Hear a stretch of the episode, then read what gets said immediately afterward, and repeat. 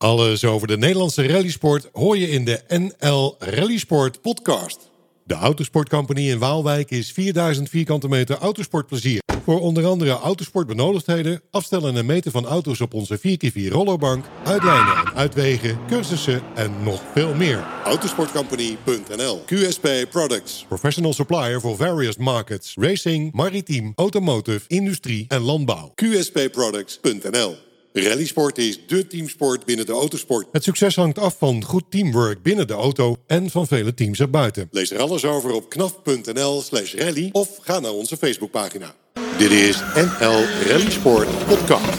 Ja, ergens ook, denk ik. Eh, het is natuurlijk een hobby in de eerste plaats. Eh, een uit de hand gelopen hobby noem ik het altijd maar. Bob de Jong, Nederlands rallykampioen in 2013 en 2019. Er zit zo'n geweldig mooi gravelstuk in. Hij is onze gast in de allereerste NL Rally Sport podcast. Ja, bron met een klein stuurfoutje. eh. Maar je hebt er wel echt ook in gezeten. ja, ja, ja, ik heb er ook nog naast gezeten in eh Ti- Tialf Stadion. Toen reden ze op het ijs. Dat was ook een evenement. Er was natuurlijk geen navigator voor nodig. En dan eh, zat ik tegen het dashboard aan te kijken. ja, goed. In dat jaar ehm, heb ik ook mijn eerste eh, wedstrijd ge- gewonnen. De ELE Rally 2013. Dat is het jaar dat mijn vader kwam te overlijden.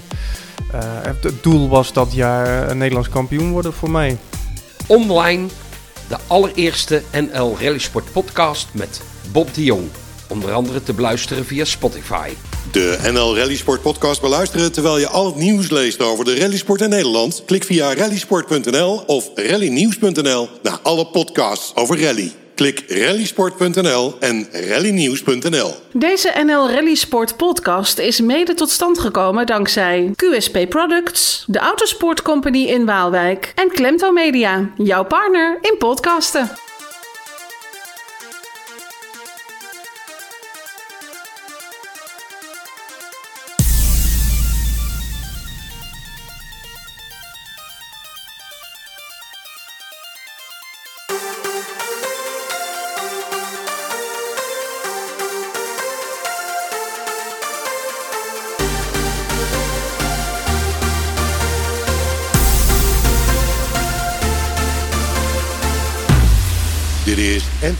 NL Rallysport podcast. Marco Schilleman. Welkom bij de zesde NL Rally Sport podcast. Vandaag bij ons Bart Luibrechts.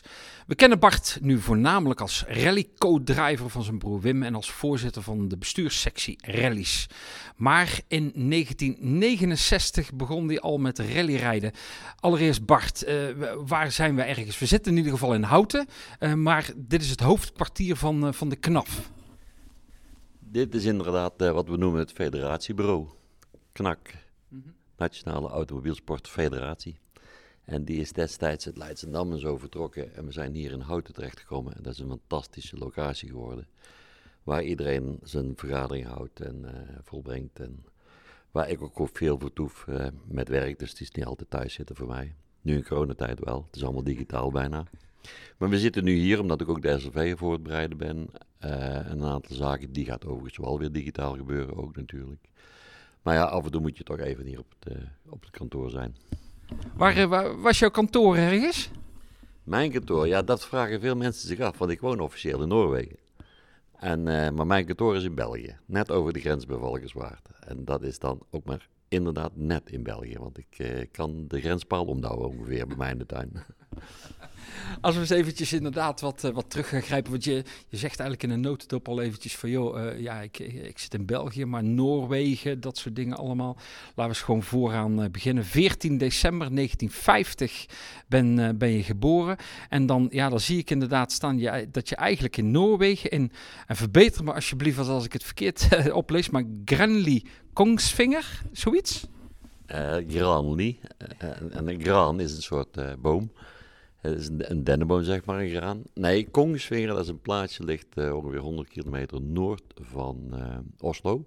Veel rallyrijders kennen denk ik wel. Eh, er zijn ook vele mensen vaak geweest. ook bij mij geslapen zelfs. Omdat daar de beroemde Kongsvinger, in Kongsvinger de Finskoeg rally verreden werd. Of verreden wordt ieder jaar. Een, een zware winterrally is dat altijd.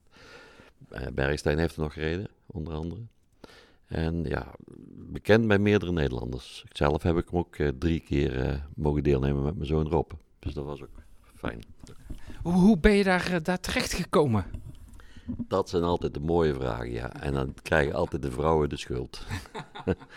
ik ben toen in, in, in Oostenrijk bij een rallycross, waar ik aanwezig was, ben ik een, een Noorse dame tegengekomen. En zo is het gekomen, zeggen ze dan. Toen ben ik op een gegeven moment eh, in 85 dus in Noorwegen terechtgekomen. En sindsdien heb ik daar mijn tijd vertoefd. Dus eigenlijk niet eens de rallysport eh dat, dat je daar terecht bent gekomen. Jawel, door de autosport. Eh, ik zat toen in de ERA, dat is de European Rallycross Association. En daar was ik vertegenwoordiger van Nederland in het bestuur. Of in het bestuur, in de organisatiecomité. Ehm, en zodoende gingen we ook als observers naar verschillende wedstrijden toe. En ik was in Oostenrijk aanwezig als observer. En zij deed daar voor de Scandinavian Television Production, een firma, deed zij opnames maken van de rallycross. Zij volgde al de Scandinavers in de rallycross. Die maakte destijds een soort programma als wat wij in Nederland destijds de Heilige Koe noemden. En aangezien ik toen in een periode even met mijn armen onder mijn eh, ziel liep, zeg maar. toen eh, heeft zij gevraagd, kom eens naar Noorwegen toe en eens kijken of je iets voor ons kunt doen. En eh, ik ben in Noorwegen vertrokken met Pasen in 85 en in december ben ik er al gaan wonen. En ook met haar gehuwd. En ik heb eh, drie, vier jaar ongeveer dat programma gedaan, opgenomen. Dus ja, hele Europa rondgereisd voor de autosport. Maar ook autotest en al dat soort dingen. Ja, die kant van het leven heb ik ook meegemaakt. Ja, hey, ehm, ja je vertelt nu eh, over, over dat stukje, maar eigenlijk eh, jouw, jouw start in, in de rallysport, die, ehm, eh, die staat op 1969. Dat je toen zo'n beetje, zeg maar, begonnen bent. Meteen al als rijder navigator. Nou, laat ik daar nou eigenlijk nog even een stapje voor zetten. Hoe, hoe, hoe ben je ja, eigenlijk in, in je jonge jaren bij, ja, bij de sport eh, terecht eh, gekomen? Ja, dat geldt ook eh, voor mij, geldt ook voor mijn broer Wim en mijn broer Kees en de hele familie een beetje. Mijn vader heeft vroeger motor gereden. Titi van Assen en dat soort dingen. Dus dat zat al heel vroeg in het bloed. Alleen die man is een keer goed van die motorfiets afgedonderd. En die mocht toen van mijn moeder daar nooit meer op klimmen. En zodoende is dat gestopt met dat motorgebeuren. En mijn moeder wist wel dat dat bloed niet tegen te houden was. Dus op vier wielen, dat was goed. Open formules was ook niet goed.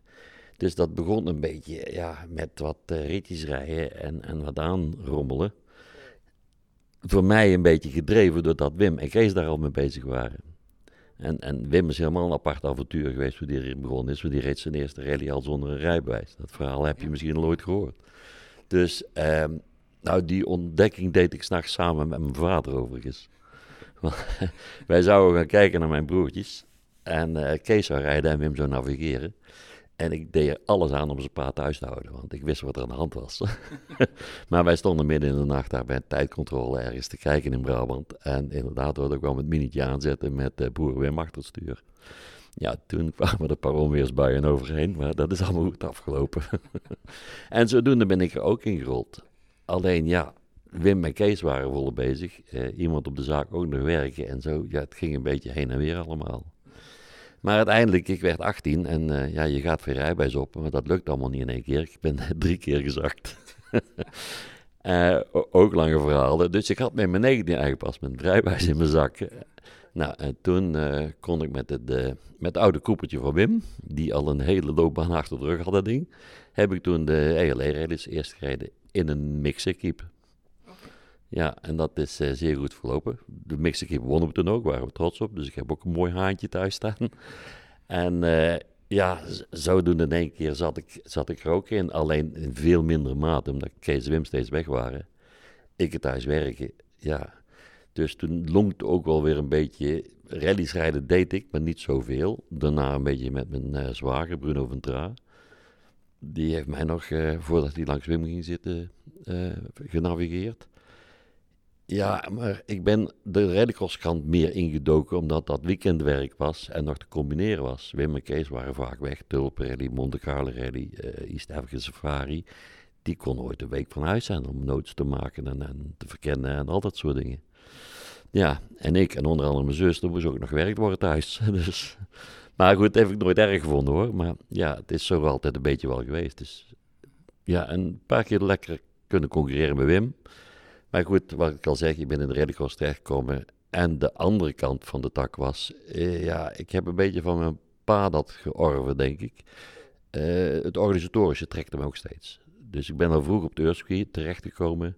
Ik ben toen ook in Breda bij de bakrally terechtgekomen op jonge leeftijd. Daar ben ik eerst ook gewoon als... als uh, ik ben eigenlijk begonnen in de, in de LA-rally als, als jongetje op een proef. Hè, als official, net als iedereen. En, en, en, dat, dat zeg maar op uh, jongetje op de proef, was dat voordat je rally ging rijden? Of gewoon echt uh, tijdens, zeg maar? Nee, dat is, dat is voordat ik rally ging rijden. Want dan, ik, ik, was als 17 jaar, hielp ik al mee op, op een proef. Ook omdat er toen proeven als operateurscircuit gereden werden. Nog. Dus dan was het ook makkelijk dicht bij huis. Kon je op je fietsje naartoe, bij wijze van spreken. Maar ook met als een paar mee. Hè. We zwemmen ze Kees die reden. Dus ja, dan hang je er toch wel bij.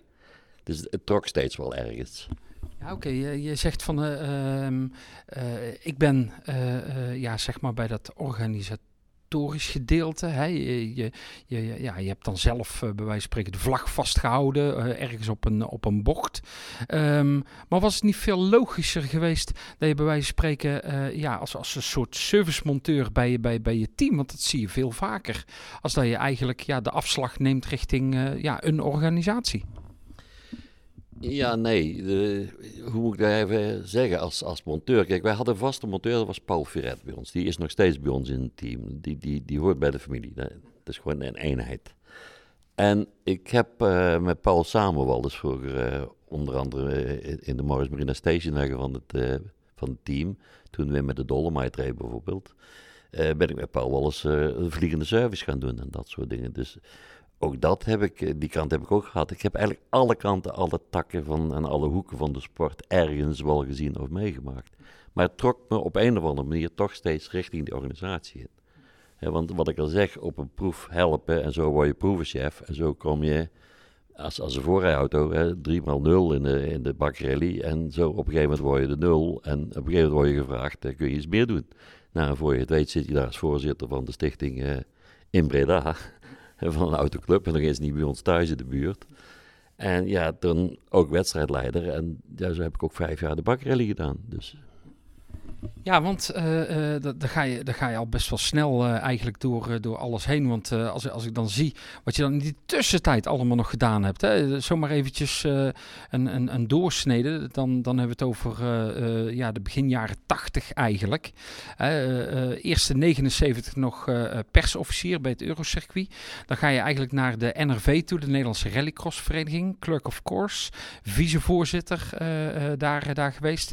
Dan de ERA, European Rallycross Association, de Nederlandse vertegenwoordiger daarvan.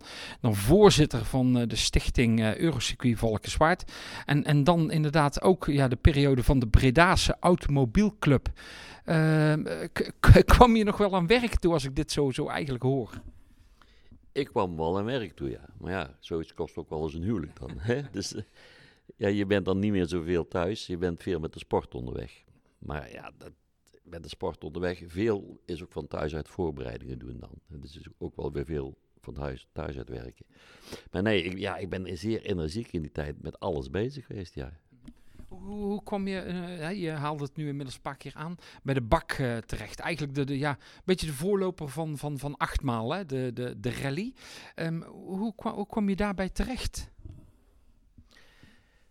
Hoe kwam ik daarbij terecht? Ik werd een keer gevraagd door iemand van de bakrally. En ik, als, als voorrijauto eigenlijk. En dat ben ik toen gaan doen met een Mercedes diesel, kan ik me nog herinneren. Die lekte toen nog diesel op het militair terrein. Wim als nulrijder is daarmee een beetje goed weggegleden. Heeft nog in de slootkant gelegen. Dus dat was ook een mooie bijavontuur. Maar in ieder geval, ik ben zodoende ben de bakrally binnengerold. En dat was net in de tijd dat er ook ja, mensen nodig waren om, om de bakrally eh, verder weg te brengen. Achtmaal kwam net om de hoek kijken. Dat was een mooie combinatie met de Biesbos. Ik heb aan de wieg van de Nacht van Achtmaal meegestaan met, uh, met alle jongens daar. Ik was ook de eerste die, uh, die, die ze door een schuur liet rijden. En uh, hamburger tenten, weet ik wel. We hebben, ja, wat Jon van Els toen allemaal verzonnen, waren wij toen ook al aan verzinnen. En dat zijn de gevolgen geworden. En daar krijg ik heel veel plezier op terug. Als je dan inderdaad naar, eh, naar die periode eh, eh, kijkt, dan ben je ook al betrokken geraakt bij, bij de, de, de KNAF, zeg maar, lid, voorzitter van de sectie Rallycross. Volgens mij was je toen ook bestuurslid al van de, de sectie Rally. Dus daar, daar, was je, daar was je eigenlijk ook al een beetje in, in ja, eh, ehm, ja, de voelsprieten richting ja, de, de, ja, de, de, de KNAF aan het doen. Ja, toen, toen was er eigenlijk nog geen, geen knaf met secties. We hadden, er was een offroad commissie, zeg maar. Of een offroad eh, bestuur zou je het kunnen noemen. Daar zat rally en rallycross een beetje in. En zodoende hong ik daar ook rond vanwege de, de functie in de bakrally en vanwege de rallycross. Dus ik, ik zat wel eens eh, regelmatig dan in, in, eh, op het oude knakkantoor nog. Bij vergaderingen die dan echt over, eh, over offroad zaken gingen. Niet over het racen dan. Maar echt zwaar heb ik daar toen nog niet in gezeten. Maar ik was er wel in betrokken, ja. Door, door al die, ja. Je hebt dat vaak, je zit eenmaal ergens in en dan zit je ook daarin, dan zit je ook daarin. En je rolt gauw van het een naar het ander toe. Ja, en dan vind ik het heel bijzonder hoe dat je dan eh, de rol, eh, eh, als je het dan even zo uitdrukt, dan, dan dat je dan bij het privéteam eigenlijk van Mitsubishi Valvoline daar teambaas en, en teammanager gaat worden in, wat was het, eh 91, 93. Ja, ik was, eh, ja, ik was inmiddels al, al goed gevestigd in Noorwegen. Ik had een eigen zaak. Ik was Mitsubishi en Saab-dealer daar geworden. Want met die televisiezaak ben ik opgehouden en een bloedkroop toch weer de auto's in. hè, op die manier. Ehm, Mitsubishi kreeg toen de tijd de beroemde Galant. Met de VR-serie. die ging toen de weg op. Eh, ieder land kreeg toen een aantal van die auto's aangeboden. Ook Noorwegen. En Noorwegen kreeg drie van die auto's aangeboden, maar de importeur, de baas althans, die eh, autosport was voor hem eh, nul. Dat was geen ding voor hem. Dus hij wou die auto's zo vlug mogelijk weg hebben, verkopen en ermee ophouden. Had wel een paar voorwaarden. Er moest een eh, groot embleem op motorkap en het moest wel allemaal Mitsubishi heten. Nou, dat heb ik tegen hem gezegd, omdat ik dealer was. Zaten op dealervergadering mee en ik zeg, nou, ik vind dat wel een domme gedachte, want je weet niet wat er met die dingen gaat gebeuren. Er staat wel groot Mitsubishi op. Zou je dat niet eens georganiseerd willen doen? Ja, hoe dan? Zeg, gaan we een team van maken, gaan we iets moois mee doen. Dan bouwen we dat samen. Hij zei, ja, maar er is er eentje verkocht. Ja, wie dan? Ja, aan Östberg. De vader van, van de beroemde Östberg.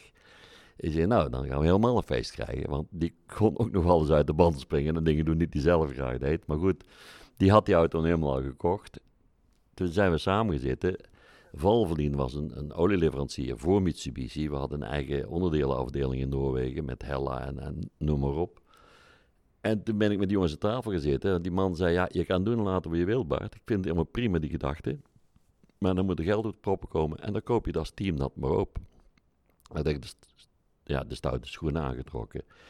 En ik heb met sponsors bij elkaar eh, gezeten. En we hebben het geld op elkaar eh, getrommeld. En in één keer eh, was ik eigenaar eh, ja, van een team Mitsubishi Valvoline Noorwegen. En er stonden twee van die dingen op de stoep bij ons. En Morten, die kwam daar nog een beetje bij, eh, al, als rijder. Maar wel onder zijn eigen kleuren. Maar honger wel aan de zijkant een beetje bij. En dat, dat is ook allemaal goed gelopen. We goede verstandhouding mee overgehouden.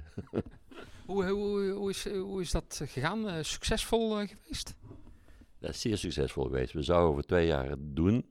Ehm, na het tweede jaar heb ik dan ook de hoofdrijder van het team, die is toen uitgestapt. Ik heb die ene auto verkocht en toen heb ik eh, het talent wat we erbij hadden, want we hadden een talent en een bestaande. En dat was de opzet van alles geworden. En het talent hebben we toen nog de mogelijkheid gegeven om, om door te gaan met de sponsors. Daar hebben we toen de Zweden Rally nog mee gedaan. Vijfde groep N geworden nog een keer met die jongen daar. Was, ja, nee, was heel succesvol. En toen is ook die auto verkocht en was het einde verhaal eh, daar weer. Maar ondertussen zaten ze wel weer mijn jas te trekken om ergens teammanager van andere dingen te worden.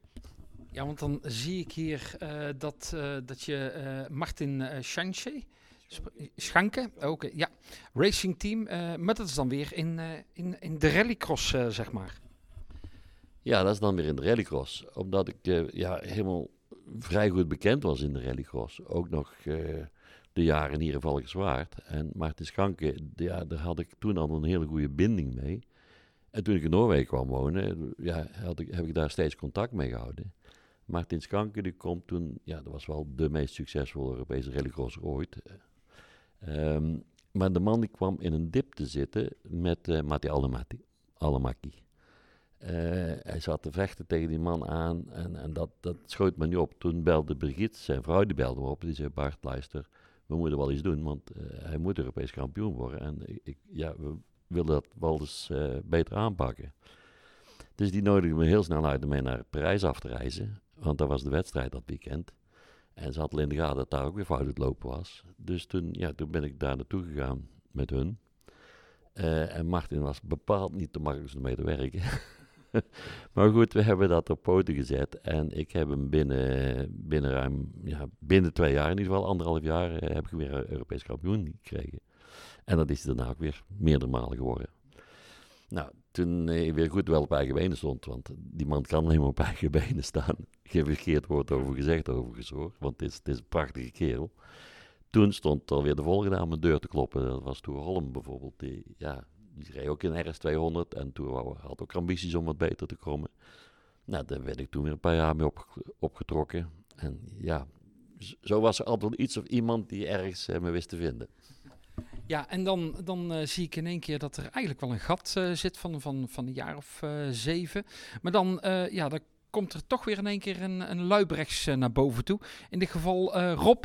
En dan, ja, dan, word je, dan word je weer co-driver. Gewoon de navigator van. Ja, Rob, mijn zoon, die dus in Nederland zat, die, die kon dat ook niet laten natuurlijk. Dus die begon een beetje te rijden. En die heeft onder andere met Erik de Wild gereden. Daar heeft hij ook van kunnen leren. En die reed met de Micra van Erik Noord, uh, van dat Nissan gebeuren toen. De cup was over, maar die auto's waren er nog. Uh, ja, hij deed het redelijk uh, aardig en netjes. En toen nodigde hij mij hier uit en zei, pa, wil je eens langskomen zitten? Hè? Dus ja, oké, ik heb het vliegtuig gepakt en naar Rotterdam toe, in, in de haven daar. Dat was een sprint. Nou, dat was natuurlijk lachen, gieren, brullen. Want na, uh, ja, twee boekeltjes moesten er drie rijden of zoiets rondjes. Was ik al uit. Stond ik al aan de finish. Dat had ik ze niet moeten doen. Dus het was het verhaal over. Ik was meer bezig met hem dan met heel die notes en alles. En noten maken was mijn ding helemaal niet. Uh, ik ben een rijder. dus je moet mij nooit op een kaartleesstoel zetten, heb ik altijd gezegd. Maar goed, dat viel wel mee. En zei, ja papa, dan moeten we toch nog een keer samen overdoen. Ik zei, nou is goed, maar dan gaan we het wel anders doen. Ik zei, dan gaan we wel even een beetje serieus wat even met die notes uh, bezig zijn. Uh, dan moet ik ook wel een beetje. En uh, zal ik me eigenlijk nergens mee bemoeien totdat we op de service zijn iedere keer. Ja, en toen zijn we de Barneveld rally gereden. En toen wonnen we mee onze klasse. En behoorlijk ook. En het zat mee goed. En ja, ja hij, hij kijkt me alles aan. En ik keek hem alles aan. En hij zei, ja, je woont wel Noorwegen, pap, maar... Ik zei, nee, ik heb hem al gesnapt. En toen zijn we samen gereden. Toen heb ik ook daarna, in Noorwegen was een Almera Cup geweest. Dan heb ik daar een Almera gekocht. En die heb ik daar weer uh, verder opgebouwd. En dan ben ik toen hier in Nederland weer met hem gaan rijden. En een paar keer in, uh, in Noorwegen met hem gereden. Maar ja, goed, het werk op een gegeven moment. En hij werkte bij Siemens. Hij heeft ook nog lang in Amerika een tijdje nu gewoond. Nu zit hij weer in Trier, overigens voor een ander bedrijf. Dus ook dat toe kwam een einde aan. En uh, ja, we zitten weer beide ons normale werk te doen. En dan zit je niet meer in de sport. Je volgt het nog mee. Dat is dan alles op een gegeven moment.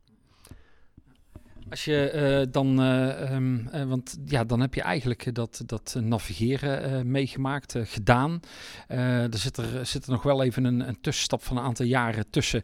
Dat je betrokken bent bij de organisatie van de, de preproloog op het Europese circuit in, in Valkenswaard. Er ook weer allerlei rollen. Maar dan kom je daar in de tussentijd, ga je toch in één keer bij Wim zeg maar, aan, aan de slag. Hoe, hoe, is dat gekomen?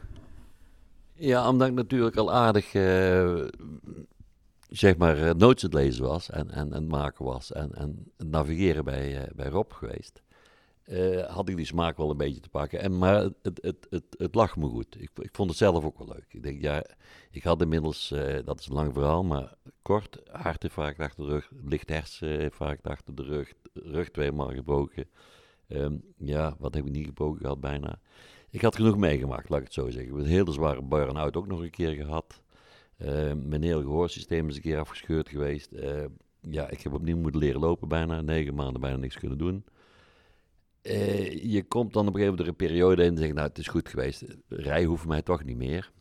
En ik, ik, ja, ik vond het wel een leuk spelletje, zo te zeggen. Je weet er zelf alles van. Je zit ook in dezelfde kantoorstoel af en toe.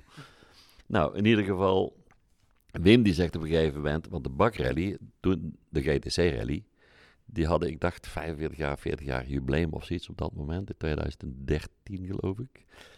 Nou, laat ik even kwijt zijn, maar Wim heeft de bakrally uh, goed gereden en, en, en uh, ik heb hem georganiseerd gehad veel jaren. En toen zei hij, zullen we dat samen doen een keer voor de gein? Nou, en en uh, ja, Rovers die had, die, die, die, had er ook al eens een keer aan, aan, Wim gezegd, jullie rijden er samen of niet? Of, Wim zei, ja, ik heb, we schrijven in, punt. Dus dat gingen we samen doen, in, in het witte escortje.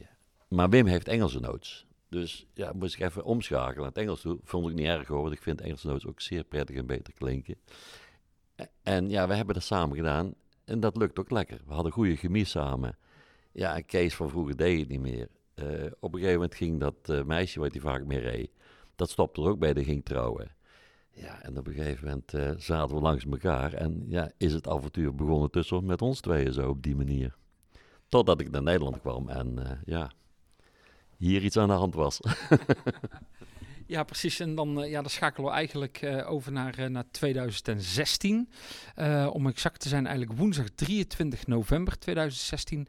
Toen was er een algemene ledenvergadering van de sectie rallies.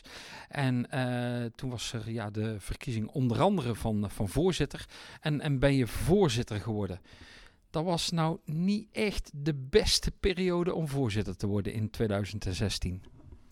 Nee, maar zo is het ook gekomen, om het zo te zeggen. Uh, ik had inmiddels een hele leuke vriendin leren kennen. Uh, in Valkenswaard. Op een feestje van een zuster van mij, want ik pendelde wel eens heen en weer vanuit Noorwegen. En daar woon ik nu al, uh, ja, dat is al heel lang een goede partner van me. We zijn al 16 jaar samen nu. Dus ik zat meer en meer was ik in Nederland. Ik, ik werkte nog, ik werkte nog deels in Noorwegen, maar veel pendelwerk toen nu iets minder, want nu ben ik gepensioneerd erbij. Dus uh, je, je kan nu meer hier vertoeven. En wat, uh, op een gegeven moment had uh, Wim had de vraag gekregen via Radboud van Hoek. Om, zou je iets in het bestuur kunnen betekenen of zou er iets voor jou zijn? Dus is Wim al gelijk bij, dan moet je niet bij mij wezen, want ik ben de rijder.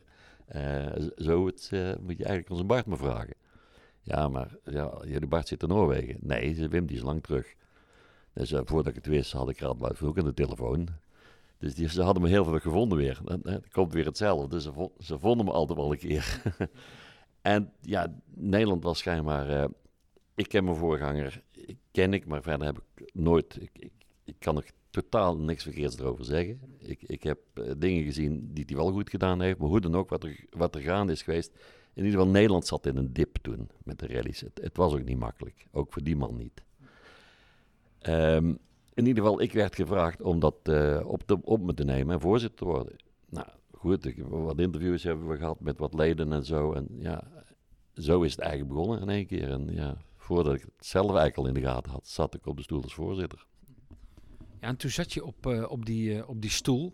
En uh, ja, dan, dan, dan heb je natuurlijk wel te maken met heel veel meningen, uh, heel veel negativiteit.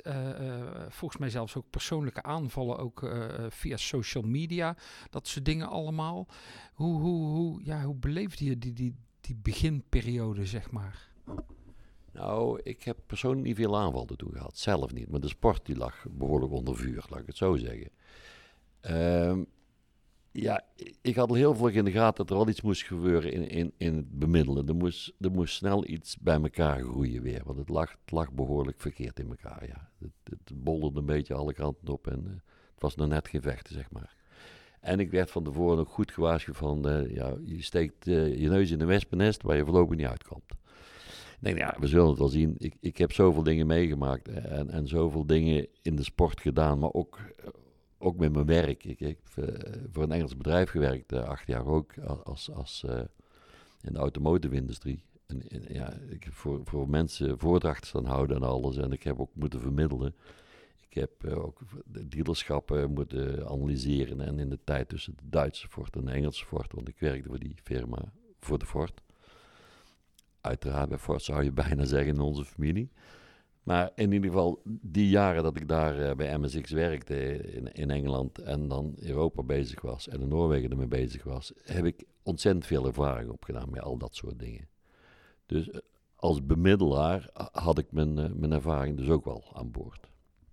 En zodoende heb ik het spul, ja, ik mag wel zeggen, aardig bij elkaar gekregen weer. En zijn we op de goede weg beland. Gelukkig ook wel een beetje door de financiële crisis heen gekomen destijds. Ik heb wel een beetje meewind daar gehad. Maar verder ja, zijn we er goed aardig uitgekomen, dacht ik wel. Je zei het zelf als een, als een wespennest waar, uh, waar, je, waar je in zat. Um, als je, als je uh, zeg maar daar, daarop terugkijkt, niet, niet alleen op het negatieve, hoor, maar gewoon ook joh, wat, wat, wat er de afgelopen jaren allemaal uh, gebeurd is. En je zit nu in jouw uh, vierde jaar inmiddels, zeg maar, als, als voorzitter. Um, zijn, er, ja, er is er een hele hoop gebeurd. Hè? Licenties zijn, zijn aangepast. de organisatoren die hadden de opdracht gekregen om wedstrijden aantrekkelijker te maken nou ja, de S21 uh, gebeuren, homologaties aangepast? Ja, je moest verschillende dingen doen. Maar we waren er vroeg aan de gang om te zeggen: oké, okay, proberen de zaak bij elkaar te brengen te groeien. Dus de verstandhouding, organisatoren, officials. Dat was één zijde. Uh, vooral de organisatoren onder elkaar, die, die verstandhouding was toch al redelijk goed, vond ik toch wel. En die, die is nog sneller bij elkaar gekomen. Um, de officials, dat, dat, dat hier en daar nog wel. Maar dat, dat is ook eigenlijk allemaal wel uh, netjes gelopen. Uh, ze waren al heel lang met dat rally safe bezig. Dat kwam ook maar niet van de grond. Ik denk, ja, dat is het mooiste systeem wat er is. Vooral voor de veiligheid, et cetera. Waarom wordt dat ding niet doorgedrukt? Dus je, moest een aantal periodes of uh, prioriteiten maken. Dus rally safe moest er snel doorheen. En dan kom je al heel vlug met de organisatoren en officials in aanraking. Dus dan moet je sowieso met elkaar door de deur. Dat hebben we op poten gekregen. Dat ging natuurlijk ook niet zomaar even, want iedereen, of ze zijn tegenstander, en alles moet even wennen. Ja, er gebeurden wel altijd wel dingen. Maar goed, rally timing destijds liep ook niet in één keer. Het, is alle, alles moet een keer bouwen. Maar dat is goed gekomen. En dan, dan ga je ook naar het landschap kijken. Hè, van dat, ja, de toekomst, uh, het milieu zit er aan te komen, uh, al dat soort dingen. Dat zie je op je afkomen. Dus je weet dat je ook moet voldoen aan de toekomst met je auto's en dergelijke. De FIA was daar ook bepaald geen roze kleur en maneschijn meer, want homologaties gebeurden niet meer nagenoeg. Fabriek, uh, ja, R5 is nog wel, maar homologatie zat bijna op slot, dus je moest nationale dingen gaan, gaan, gaan uitvinden om het toch interessant te houden. Dan moet je toch proberen klasses te maken die ook de buurlanden misschien nog kunnen rijden. Dan wordt het even heel moeilijk allemaal om dat allemaal in elkaar te steken. Nou, daar gaan we daar aan werken.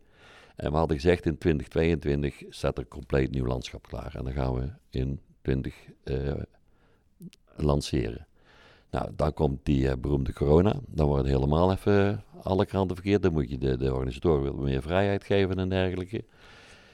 Nou, daar zijn we dus nu doorheen gekomen met één wedstrijd. Uh, dus nu moet je alles een jaar gaan verschuiven eigenlijk weer. Want ja, je plannen... Ja, het is een verloren jaar geweest, om het simpel te zeggen. Dus we gaan nu wel in het, uh, in het voorjaar nu gelijk mee zo snel mogelijk al onze plannen uitrollen. En, en een nieuwe landschap ja, gaat in ieder geval in 2023 van start. Maar er kan al mee gereden worden. Er, zijn al, er is al een groep G-auto gebouwd. In de nieuwe versie, want we hadden een, een korte groep G met een BMW, de eerste die gebouwd was. Dat, uh, dat liep ook goed, maar er moesten aanpassingen nog in dat reglement komen. Nou, die aanpassingen hebben we inmiddels gekregen en nu kunnen we het landschap dus helemaal gaan, gaan uitrollen, zeg maar. Je had het al eventjes over, over veiligheid. Hè? Daar, daar is de afgelopen jaar ook behoorlijke stappen in, in gemaakt. Uh, iedereen snapt waarom, maar um, ze zijn wel gemaakt. Ja, die stappen zijn gemaakt voor de veiligheid. Omdat, kijk, als je veiligheid in het geding komt, dan denk ik dat iedere, iedere vergunning heel snel gedaan is. Je, je, kan hier en daar wel, wel dingen tegemoet te komen met uh, milieu of noem maar op, of met mensen of bemanning. Of, je kan alle kanten op. Maar als er één goede klapper een keer komt, en uh, we moeten niet vergeten de klapper die Amsterdam heeft gehad. Ik was toen zelf nog in Noorwegen. Nou, dat wil je niet nog een keer meemaken. het zegt nooit nooit, het is, het is autosport, weten we. Hè? En, en, ook met, met rijders, de, de ja, goede klappen zijn er wel geweest. Dus die probeer je te voorkomen. Nou, en Rally Safe is, is nou eenmaal een systeem waar je heel vlug mee... Je kunt de klap niet voorkomen, maar je kunt heel vlug ageren en, en acteren. Dus je kunt heel vlug... Ja, ironisch genoeg mag je wel zeggen, heb ik zelf de, de, de klap meegemaakt. En het systeem heel raar uit moeten proberen. Maar toen ik met Wim in die sloot lag, was er wel even paniek in de tent hier en daar. Ja. Maar ja, het systeem liet toch wel zien hoe enorm veilig, hoe enorm vlug een apparaat dan op de poten is om, om in te grijpen. En daar kun je mensen levens mee redden. Daar kun je dingen mee doen. Nou ja, het is eh, dat je er inderdaad over begint eh, van eh, hè, ja, zelf ook nog een aardige klapper meegemaakt. En ja, dan, dan, dan werkt Rally 7 inderdaad gewoon perfect. Dan, dan is het er heel erg snel en doet, doet iedereen inderdaad datgene wat er gedaan, gedaan moet, moet worden. Ehm, we gaan over naar de stellingen. De vijf stellingen. Eh, de NL Rally Sport podcast die kent altijd eh, vijf eh, stellingen. In eerste instantie mag je die alleen met ja of met nee beantwoorden. En dan komen we daar zo meteen nog eventjes terug. De allereerste stelling. Rally sport is mooier dan rallycross. Ja, Ik had nooit voorzitter van het BSR moeten worden voor mijn eigen gemoedsrust. nee. Om voorzitter te zijn van het BSR moet je echt wel zelf ook rally gereden hebben. Ja, De rallysport zal in zijn huidige vorm gaan verdwijnen. Mm, niet helemaal. Een neetje. Corona is niet de grootste uitdaging voor de rallysport, is dat CO2. Ja. Vijf stellingen.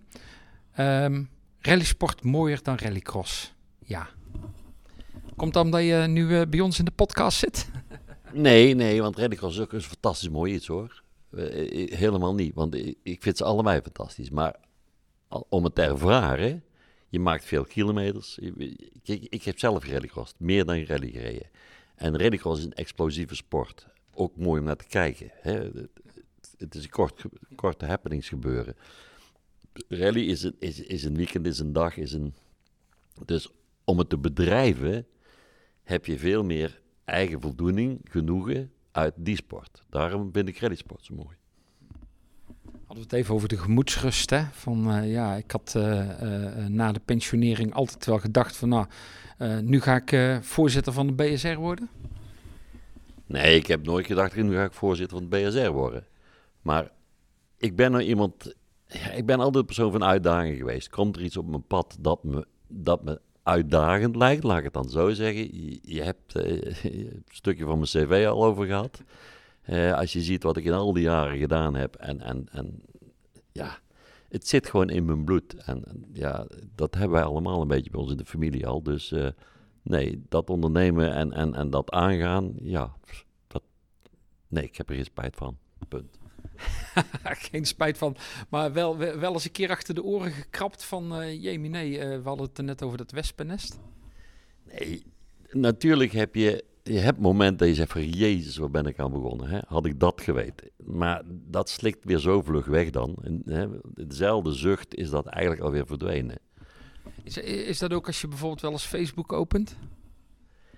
Ja, daar moet ik, eh, oh, ja, ik, ik- het liefst zou ik mee op de dingen rammelen en even terugvertellen. Daar ben ik rustiger in geworden. Ik kan het nog niet laten af en toe hoor, daar moet ik erbij zeggen. Vooral als er, als er dingen geschreven worden, ik zeg van jongens, dit raakt, kan nog wel, dit gaat, slaat echt nergens op. Dan, dan word ik weer even heel onrustig. En dan zou ik het liefst tegen alles invechten om te bewijzen dat het niet zo is. Maar goed, Facebook is Facebook. Laat, laat dan maar voor zijn gang gaan. Dus ik ga er niet meer te moeilijk over doen. Ehm, dan hadden we het eh, over eh, de vraag van... Ja, om voorzitter van de BSR te worden moet je zelf eh, rally gereden hebben. Dat twijfelt hij ook wel wat eventjes over. Ja, want die, zelf rally gereden hebben, dat is eigenlijk niet de goede vraag. Je moet wel zelf in de rally gezeten hebben. Je moet wel van, van alle kanten meenemen. Want iemand die official is geweest, zou ook een hele goede voorzitter kunnen worden. Je hoeft niet rijder geweest te zijn. Of iemand die in de organisatie gezeten heeft, vooral.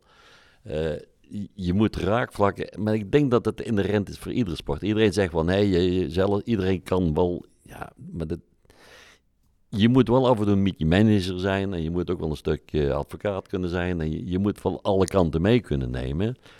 Maar de kern van de sport moet je kunnen begrijpen. Je moet uit de sport komen, vind ik persoonlijk. En ik denk dat dat voor iedere sportbond wel geldt. Ehm, ja, de huidige vorm van uh, rallysport, uh, daar, uh, daar zei je op van nou nee, dat die zou gaan, gaan verdwijnen. Um, anders? Eh, ga- gaat die, gaat die eh, wellicht ja, meer eh, in de simulator, virtueel bijvoorbeeld, of misschien wel elektrisch? Ja, precies. Je zegt in de huidige vorm. Kijk, in de huidige vorm kan niet blijven bestaan. Alleen of het nog mee, motoren en dus nu is, of elektrisch, eh, hoe dan ook. Ik denk wel dat we blijven rijden op een of andere manier. En niet, niet altijd eh, maar naar het virtuele gaan grijpen. Ik denk dat mensen in beweging en, en, en emotie nog wel dit willen zien en meemaken. Het zal moeilijker worden. Dat geloof ik wel. En misschien dat we in de toekomst maar één of twee of drie rallies overhouden nog. En dat ze een andere vorm krijgen, misschien een stukje richting net als rallycross, of het wordt een mix. Eh rallycross zit, zit nu ook in een moeilijke dip en een periode, hè? vooral met circuits die gesloten worden. Kijk, wat dat betreft, met vergunningen en aanvragen en dingen kun je nergens komen. Als je een circuit dat ergens ligt, zit je of daar, of je zit vast, of je kunt open blijven. Hè? Dat zie je nu met met de Eurocircuit onder andere. En in, in, in in België hetzelfde. Die hebben het nog moeilijker dan. Wij kunnen nog variabel meedenken en blijven. En dus ja, nee, ik denk wel in deze vorm dat we toch nog wel dingen behouden. Maar dat dat elektrisch gaat worden of zo, of die kant op, ja, dat zal ongetwijfeld gaan gebeuren. We moeten ons aanpassen in milieurichting en, en noem maar op. Hoe zijn jullie daar als eh, BSM mee bezig? Nou, we zijn in de gedachten sowieso bezig. En ik, en ik ben er zelf in gedachten heel hard mee bezig. En ik probeer ook eh, ons bestuur iedere keer een beetje dan nu voor de toekomst daarin voor te lichten. Wat ik ook bij de andere klassen heb gedaan. Hoe, hoe denken we erover, hoe we erin gaan staan? En dan, dan hebben we de goede brainstorm sessies er meer over. Ook met anderen erbij. Voordat we echt zeggen, nou we gaan die richting op. We hebben nog niet, nog niet blind geschoten van de heup af, zeg maar. En dat gaan we nu zeker ook niet doen. Want als ik het woordje elektrisch zou gebruiken, gaat iedereen morgen op zijn achterpoten staan. Ik denk niet dat we er omheen komen. En, en ik denk dat ik ga beginnen te kijken, daar ben ik al langer mee bezig. eh, de voorauto's, eh, alles wat we de organisatoren eromheen hebben. We kunnen daar al stappen gaan maken om te beginnen. Dan hoeven we nog niet zo nodig over elektrische auto's te denken. Maar ja, kijk boven de grens. In Duitsland is een hele cup met Opels bezig. Ik zou eens best kinderen hier willen halen, ook om eens te laten zien dat dat kan. En ik ga er ook aan werken ook. Dan eh, ja, de grootste uitdaging, eh, niet corona, maar eh, inderdaad eh, CO2. Ja, we hebben het er eigenlijk al over. Hè? Van daar zal het een en ander moeten gebeuren. Ja, CO2 en stikstof, hè, daar, daar, daar waren we al volop mee bezig totdat deze corona eraan kwam. Hè. Die, die, die corona die blaast wel weer een keer weg. Al zullen we heel lang mee moeten leven. De griep is ook nooit weg geweest, dus hebben we ook mee leren leven. Eh, stikstof en CO2 zullen we ook wel mee leren leven, maar die geeft, geeft echt een belemmering dadelijk waar we mee vast gaan zitten. Eh, en als half Nederland voor een natuurpark gaat worden, dan gaan we het nog moeilijker krijgen. Maar ik denk dat we daar wel uit kunnen komen als we maar gezamenlijk aan dezelfde poot blijven trekken. Want, eh, eh, want, kijk, als mensen eigen kant op gaan, en dat hebben we hier en daar al zien gebeuren, dan loop je bij burgemeesters en andere partijen ook vast. Je moet wel die, die, die een en dezelfde pet op blijven houden om te verstaan wat daar gaande is. En dan moet je ook andere mensen toelaten die jou daarin kunnen helpen en begeleiden. En daar hebben we een eigen fonds voor opgericht hier bij de KNAF. Een eigen ja, potje, zeg maar. We noemen het wel eens de oorlogspot. Om te kijken, hoe kunnen we... Want het kost geld. Je moet mensen, je moet, eh, je moet investeren in dat soort dingen. En ik denk dat we op de goede weg daarmee zijn. Ik denk dat we er wel eh, beginnen te komen. 2021, de kalender. Ehm, eh, hoe, eh, hoe ziet die er eh, globaal uit? Hij ziet er heel mooi uit, globaal. nou nee, hij is in grote lijnen. Hij is klaar. eh, maar uiteraard hou ik hem tot de sectieledenvergadering eh, eh, bij me. Die is overmorgen, dus woensdag. En zo gauw ze die digitaal afgewerkt hebben, dan ga ik het publiceren. Ehm, het is een conceptagenda. Maar hij ziet er heel mooi uit. En het is in hoofdlijnen dezelfde eh, ja, agenda als die we, die we kennen bijna. Helaas is eh, Centraal Nederland hebben eh, niet veel van vernomen. Daar zit het moeilijk. Maar Berkeland die heeft een latere datum, zit na Twente. Eh, maar verder zitten ze allemaal een beetje in de buurt waar ze zaten. Er, zijn, ja, er ligt nog mogelijk een onder, ah, geen addertje onder gras. Er ligt misschien nog een verrassing aan te komen. Ik krijg binnenkort een vergadering waar ik zeer benieuwd naar ben. Oké, eh, een, een, een nieuwe rally erbij? Nou, we hebben sowieso, is er al een nieuwe rally eh, bij op de kalender, maar die telt niet voor het kampioenschap. Hè. We hebben eh, het, verzoek gekregen van, gekregen van een rally van de, van de organisator van de Biesheuvelse kant. En dat is, Timothy is daar dan de organisator, voorzitter het comité. En dat heet dan de Legend Rally. We zijn, we zijn niet blij met de naam, dat is één ding. Maar de, de rally gaat wel zijn kant krijgen, zijn kans krijgen. Ehm, en die wordt dan, als ik het goed heb, denk ik wel in Raamsdorp als hoofdzetel bij Toyota gehouden. Het concept ziet er heel goed uit. Nou, dat is nieuw. Berkeland is nieuw. Ehm, ja, die andere zou je wel een nieuw kunnen noemen, denk ik zo. Althans, de uitnodiging van de vergadering laat het zo zien. Althans. En, en eh, waar vindt die ergens in Nederland plaats? Ik ga helemaal niks over vertellen. nee, dat kan niet. Wel, wel- in Nederland. Ja, maar je kan er ook niks over vertellen. Die luister, iemand heeft een plan of plannen. Nou, en die ga ik aanhoren. Maar zo is het met Berkeland ook begonnen. Iemand had een plan. Nou, ik sta ervoor open natuurlijk. We zijn niet weg. eh. En eh, de opener eh, van, het, van het seizoen zag ik dat toch weer Zandvoort erop, erop kwam. Dat zag ik ook. Maar voor mij was het natuurlijk niet tot mijn verbazing. Ik had het later horen komen natuurlijk. Sowieso met iemand in het bestuur van diezelfde hoek. Ja, die mogelijkheid. Maar ik denk dat die mogelijkheid nu ook gekomen is... doordat dus eh, de Formule 1 een heel andere datum heeft gekregen. Eh, en, en, en dat het allemaal positiever is verlopen en, die hoek. Dus maar in, in, ja, de vorm zal wel weer hetzelfde blijven als dat die was, neem ik aan, op het circuit. Ik weet niet of er nog, eh, meer mogelijkheden in zitten, omdat ze nu ook... de paddock binnen is groter geworden of wat dan ook. Ik heb het zelf allemaal niet gezien, de, hoe de plannen geworden zijn uiteindelijk in Zandvoort. Maar er is meer ruimte gecreëerd, heb ik begrepen. Dus eh, ja, ik ben, ik ben gespannen benieuwd. Alleen ja, corona, dat wil zeggen, voor een Brabander, carnaval, hetzelfde weekend. Maar goed, we mogen toch geen carnaval vieren, dus we zullen we kijken of we in Zandvoort terecht kunnen. Eh, ja, de toekomstplannen van, eh, van de KNAF. en dan ja, in het bijzonder natuurlijk van de bestuurssectie rallies. Toekomstplannen van de, ja, de toekomstplan van de sectie rallies is eh, rally levendig houden en, zo, en, en, en, zoveel mogelijk daar eh, in verbeteren. De plannen zijn in ieder geval klaar wat de, wat de klasses betreft. We, moeten, we moeten ook daar schonere lucht creëren. We moeten ook daar meegaan met onze tijd. Dus we hebben eh, auto's moeten voldoen aan, aan wegverkeervoorwaarden, maar ze moeten ook eh, goed competitive kunnen, kunnen gebouwd worden. En daar hebben we een mooie groep G en groep P reglement voor in elkaar geschoven. En dat moet, eh, dat moet in ieder geval die toekomst gaan geven. En dan natuurlijk de, de normale rallyauto's die via gehomologeerd zijn. Want daar gebeurt inmiddels toch ook wel weer dingen de goede richting in. We zien steeds meer R2 en R1'tjes eh, verschijnen. Vooral R2 is een beetje in, opkomst, ook bij sommige fabrikanten. Niet als rallyauto, maar wel als sportieve. die, die beginnen ook weer die richting in. Nou ja, goed. eh, we hebben met de Vechtdaal Rally gezien eh, hoe fantastisch digitaal we kunnen draaien als het erop aankomt. Dus ja, dat, dat is iets waar ik al langer eh, graag naar voren wil hebben. Zeker nu we met Rally Safe die mogelijkheden hebben. En ja, mensen heb je altijd tekort aan. Dus die moet je zo goed mogelijk verdelen over, over een rally heen. Dus ik zie daar, ja, ik zie de toekomst toch wel een goede kant op gaan wat dat betreft.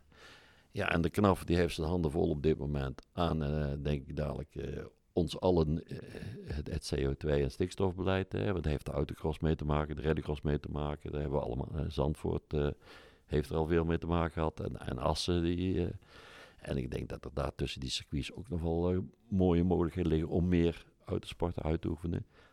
Ik, ik weet niet waarom, ja, Valkenswaard wordt heel moeilijk met deurschuw met de, met de rallycross, zie ik. Dus, maar ja, Drenthe is ook niet zo ver weg. Alleen de andere kant op. dus ja, ik denk dat de autosport en de, en de knaf samen en wij als sectie nog eh, voldoende te doen hebben voor de toekomst. Ja, nog één jaartje als, eh, als voorzitter. En dan? Ja, en dan. ehm, ja, ik kan er niet meer over zeggen als dat ik in ieder geval mijn bestuur beloofd heb. Zoals het er nu uitziet, eh, ben ik herkiesbaar. Kijk, daar zaten we eventjes op te wachten. Ehm, ik, eh, eh, ik had je ook gevraagd eh, om iets speciaals zeg maar, op te zoeken. Dat doen we altijd aan het, aan het eind van, van de podcast. En ik, ik zie daar een, een, een prachtig boek liggen. Ik zie foto's, maar vooral een, een, een, een hele oude beker. Misschien dat je me even kunt beschrijven hoe dit hier uitziet en wat er, wat, wat er eigenlijk allemaal op staat. Nou, hij ziet er gewoon als een oude beker uit, maar hij is een eh, 20, 25 centimeter hoog. En eh, dat was voor mij destijds een hele grote beker. ik heb, Want, want hoe oud was je hem eh, toen, eh, toen je hem eh, zeg maar eh, eh, ja, won? nou, ik was 12, 17, eh, nee, ik was nog geen 12, ik was 11, want ik ben van december. Dus dit was 17 juni 62 in Rijen. In, in rijen, eh gilsrijen zeg maar, eh, zoals het nu, eh, nu heet in, in Brabant. Ja. Vlak, vlak bij Breda eigenlijk. Nee, het is Schilzerijen, ja, maar toen heette dat nog Rijen. ik ben geweest Rijen in Rijen. Nee, da- daar is het hele verhaal eigenlijk begonnen. Als elfjarig jongetje. En daar ligt ook een stukje voorgeschiedenis met mijn broer eh Wim onder andere. hè. Ik, ik heb ook vaak tegen mijn broer mogen strijden met het koepeltje. Wat hij ooit heeft afgedankt aan mij, om het zo te zeggen. maar dat, eh, het begon in Rijen. Wij, eh, ja, het bloed zei ik al in het begin. eh, wij gingen vaak iedere zondag, dat heet dan kermis eh, karting wel eens. Dan gingen we op schoolplein en zo. Hadden ze dan met stroberalen een, een, een achtbaantje ongeveer uitgezet. En dan had je achtervolging en op tijden rijden. En dat was korte baan, skelteren. En eh, ik kan me nog herinneren, ik geloof de familie De Wit uit Tilburg, die organiseerde dat eh, met karts. En daar deden ook eh, bekende sporters aan mee andere autosporters. Dat waren heel populaire dingen. In ieder geval, ik eh, had daar het genoegen in rijden om dan mijn broer Wim ehm, in de halve finale eruit te slaan. Dan rij je tegen elkaar hè, en dan wie dan het eerst over de finish komt, die start dan allebei de kanten. En dan ga je tegen elkaar rijden. En vijf rondjes of tien rondjes. Nou, en ik had er Wim eh, aan de kant gezet. En toen stond ik in de finale tegen niemand minder dan eh Twan. Als mannetje van 11 jaar. Nou, dat vond ik natuurlijk prachtig. En die heb ik er toen ook maar uitgenokt. Dus dan had ik mijn eerste beker te pakken. en als klein brutaal ventje, dat zie je ook op de foto, bied ik hem eigenlijk mijn bloemen aan. ik vond het nogal brutaal gedaan van me, voor die tijd. Maar goed, hij was ook nog jong, hè. Ik denk dat hij het ook al lang vergeten is, overigens. Maar ja, daar is er al dat bloed ja, nog meer gekoken. En zo is het eigenlijk begonnen allemaal bij elkaar. En wat hem dan heel speciaal maakt, ik had genoeg van dat eh, blik, want dit is nog geen zilver. Eh, genoeg van de blik staan. Dus ja, en, en op een gegeven moment, je gaat naar Noorwegen of je verhuist en er gebeuren dingen. Je doet de scheiding en eh, je, sjouwt dat spul steeds maar mee, maar het stond in dozen.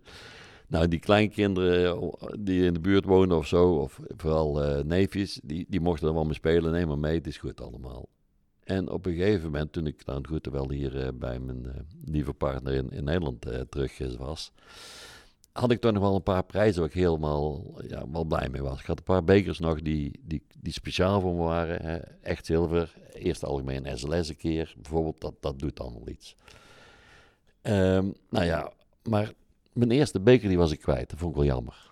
En op een gegeven moment kwam mijn zuster aanzetten met deze mooie beker. Nou, dan was ik echt weer als een eh, klein mannetje heel gelukkig. en dat vond ik wel een mooi iets. Mooi om eh, dit verhaal eh, zo eh, weer op te duikelen en zo eens terug te horen. Dankjewel Bart. Nou, dan zijn we ook meteen wat dat betreft aan het einde gekomen van deze zesde aflevering van de NL Rally Sport podcast. Dank aan Bart Luibrechts dat we vandaag hier in Houten te gast mochten zijn bij de KNAF. Dank aan jou, dank om naar deze NL Rally Sport podcast te luisteren. Heeft u op- of aanmerkingen of zou u deze podcast wellicht willen ondersteunen of een speciale editie willen laten maken? Neem vrijblijvend contact op via e-mail marco.schillemanspresent.nl En vergeet je niet om je te abonneren op dit kanaal en wie weet tot snel, want er is altijd wel een verhaal te vertellen uit of over de Nederlandse rallysport. Dit is NL Rally Sport Podcast. Deze NL Rally Sport Podcast wordt u aangeboden door de ELE Rally 2021, 4 en 5 juni. De tweede NL Rally Sport podcast met hierin centraal de Eindhoven Luik Eindhoven Rally. De ELE. Met onder andere Wim Luibrechts. Ja, maar ik had nog geen rijbewijs, dus ik, ik kon ook nog geen licentie halen. En, eh, Eigenlijk reed hij zijn eerste ELE rally illegaal. mijn, mijn vader was van 1917 en ik ben van 1948. En ik had van die 1 van die 17 had ik een 4 gemaakt. En toen stonden er nog geen pasfoto's op de licenties. En zo ben ik eh, de eerste kaartlezer gaan rijden als kaartlezer bij mijn broer. Maar na drie bochten zei hij al, ga jij maar rijden jongen, want je kent er niks van. Dat klopt. In deze editie praat ik ook met wedstrijdleider Radboud van Hoek over hoe dat het in de beginjaren onder andere ging. Nou, de, E- de ELE-edities van die tijd was het kaartlezen. Dat ging eh, Nederland, België, maar zelfs ook tot aan Noord-Frankrijk toe. Hè. Dat was ook een samenwerkingsverband met, eh, met de gemeente Luik. Ook om, om, eh, om toerisme te promoten van Eindhoven en Luik. En toen reden ze nog verder dan Luik, tot zelfs tot eh, Noord-Frankrijk toe en dan weer terug. En dat was, je begon op vrijdagavond en je kwam eh, op zondag eh, eh, rond een uur of vier, vijf kwam je terug. En dat was gewoon non-stop rijden. Ook tweevoudig winnaar Piet van Hoof vertelt onder andere over zijn klassementsproef Wintelree. Ik denk niet dat dat. eh, ik denk dat ze daar een uniek ge- gedeelte bij elkaar hebben gebracht. En dat is eh, eh, mooie technische wegen, dus snel, landelijk. Met, gecombineerd met, met hele, hele mooie, snelle zandstukken erin. Waardoor onverharde gedeeltes, waardoor je natuurlijk eh, met, met 180 tot 200 km per uur over een zandpad heen scheert en er ook nog een bocht in zit. Dus niet alleen rechtdoor. In de zesde versnelling eh, en het gas onder op de bodem. En dan aan het stuur draaien voor de bocht, dat we de goede kant op gaan en het gas niet dicht doen. Dat is wel echt uniek aan proefwinterrijden. Maar ook mooie anekdotes van Wim Luibrechts over het moment dat hij de ELE won en zijn vader in het ziekenhuis lag. Ja, ik, ik, ik kwam de volgende dag in het ziekenhuis en eh, eh, er stond een grote krantenkop Luibrechts wint de ELE rally. En, en mijn vader die was toen al, al, al minder spraakzaam. En ze zeiden, die man is er een beetje af. Dus die hadden alle broeders en zusters helemaal gek gemaakt, heel de dag met die krant. Ze moest, iedereen moest die krant eh, eh, lezen. Maar ook die keer dat Piet van Hoof iets of wat te hard door een gat ging. Ja, toen, toen gingen we voor de tweede keer over dat zandpad heen en daar was een clipgat gekomen. Ik wist het dat het er zou komen, maar ik was het even vergeten in mijn enthousiasme.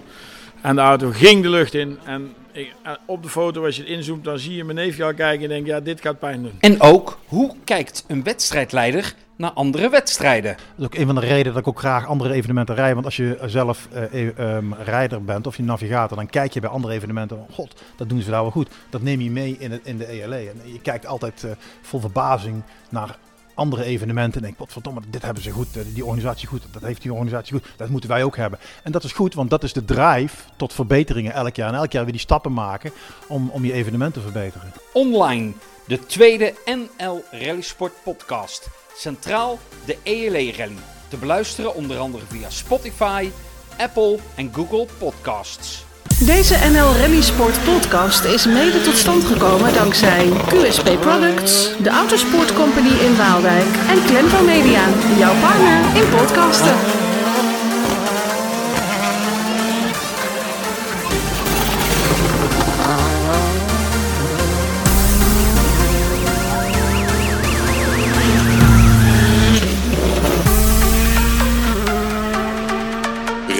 Rallysport is dé teamsport binnen de autosport. Het succes hangt af van goed teamwork binnen de auto en van vele teams erbuiten. Lees er alles over op knaf.nl slash rally of ga naar onze Facebookpagina. De Autosport Company in Waalwijk is 4000 vierkante meter autosportplezier. Voor onder andere autosportbenodigdheden, afstellen en meten van auto's op onze 4x4 rollerbank, uitlijnen en uitwegen, cursussen en nog veel meer. Autosportcompany.nl QSP Products. Professional supplier for various markets. Racing, maritiem, automotive, industrie en landbouw. QSPProducts.nl De NL Rally Sport podcast beluisteren terwijl je al het nieuws leest over de rallysport in Nederland? Klik via rallysport.nl of rallynieuws.nl naar alle podcasts over rally. Volg NL Rally Sport op Facebook, Twitter, Instagram en Pinterest. Klik rallysport.nl en rallynieuws.nl.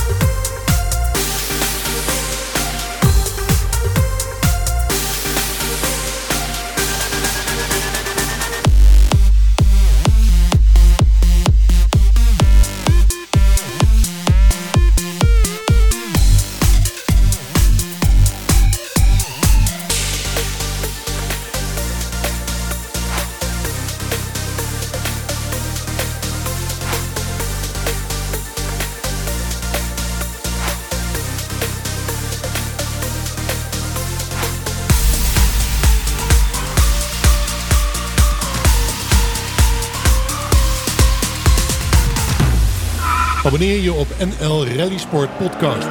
Alles over de Nederlandse rallysport.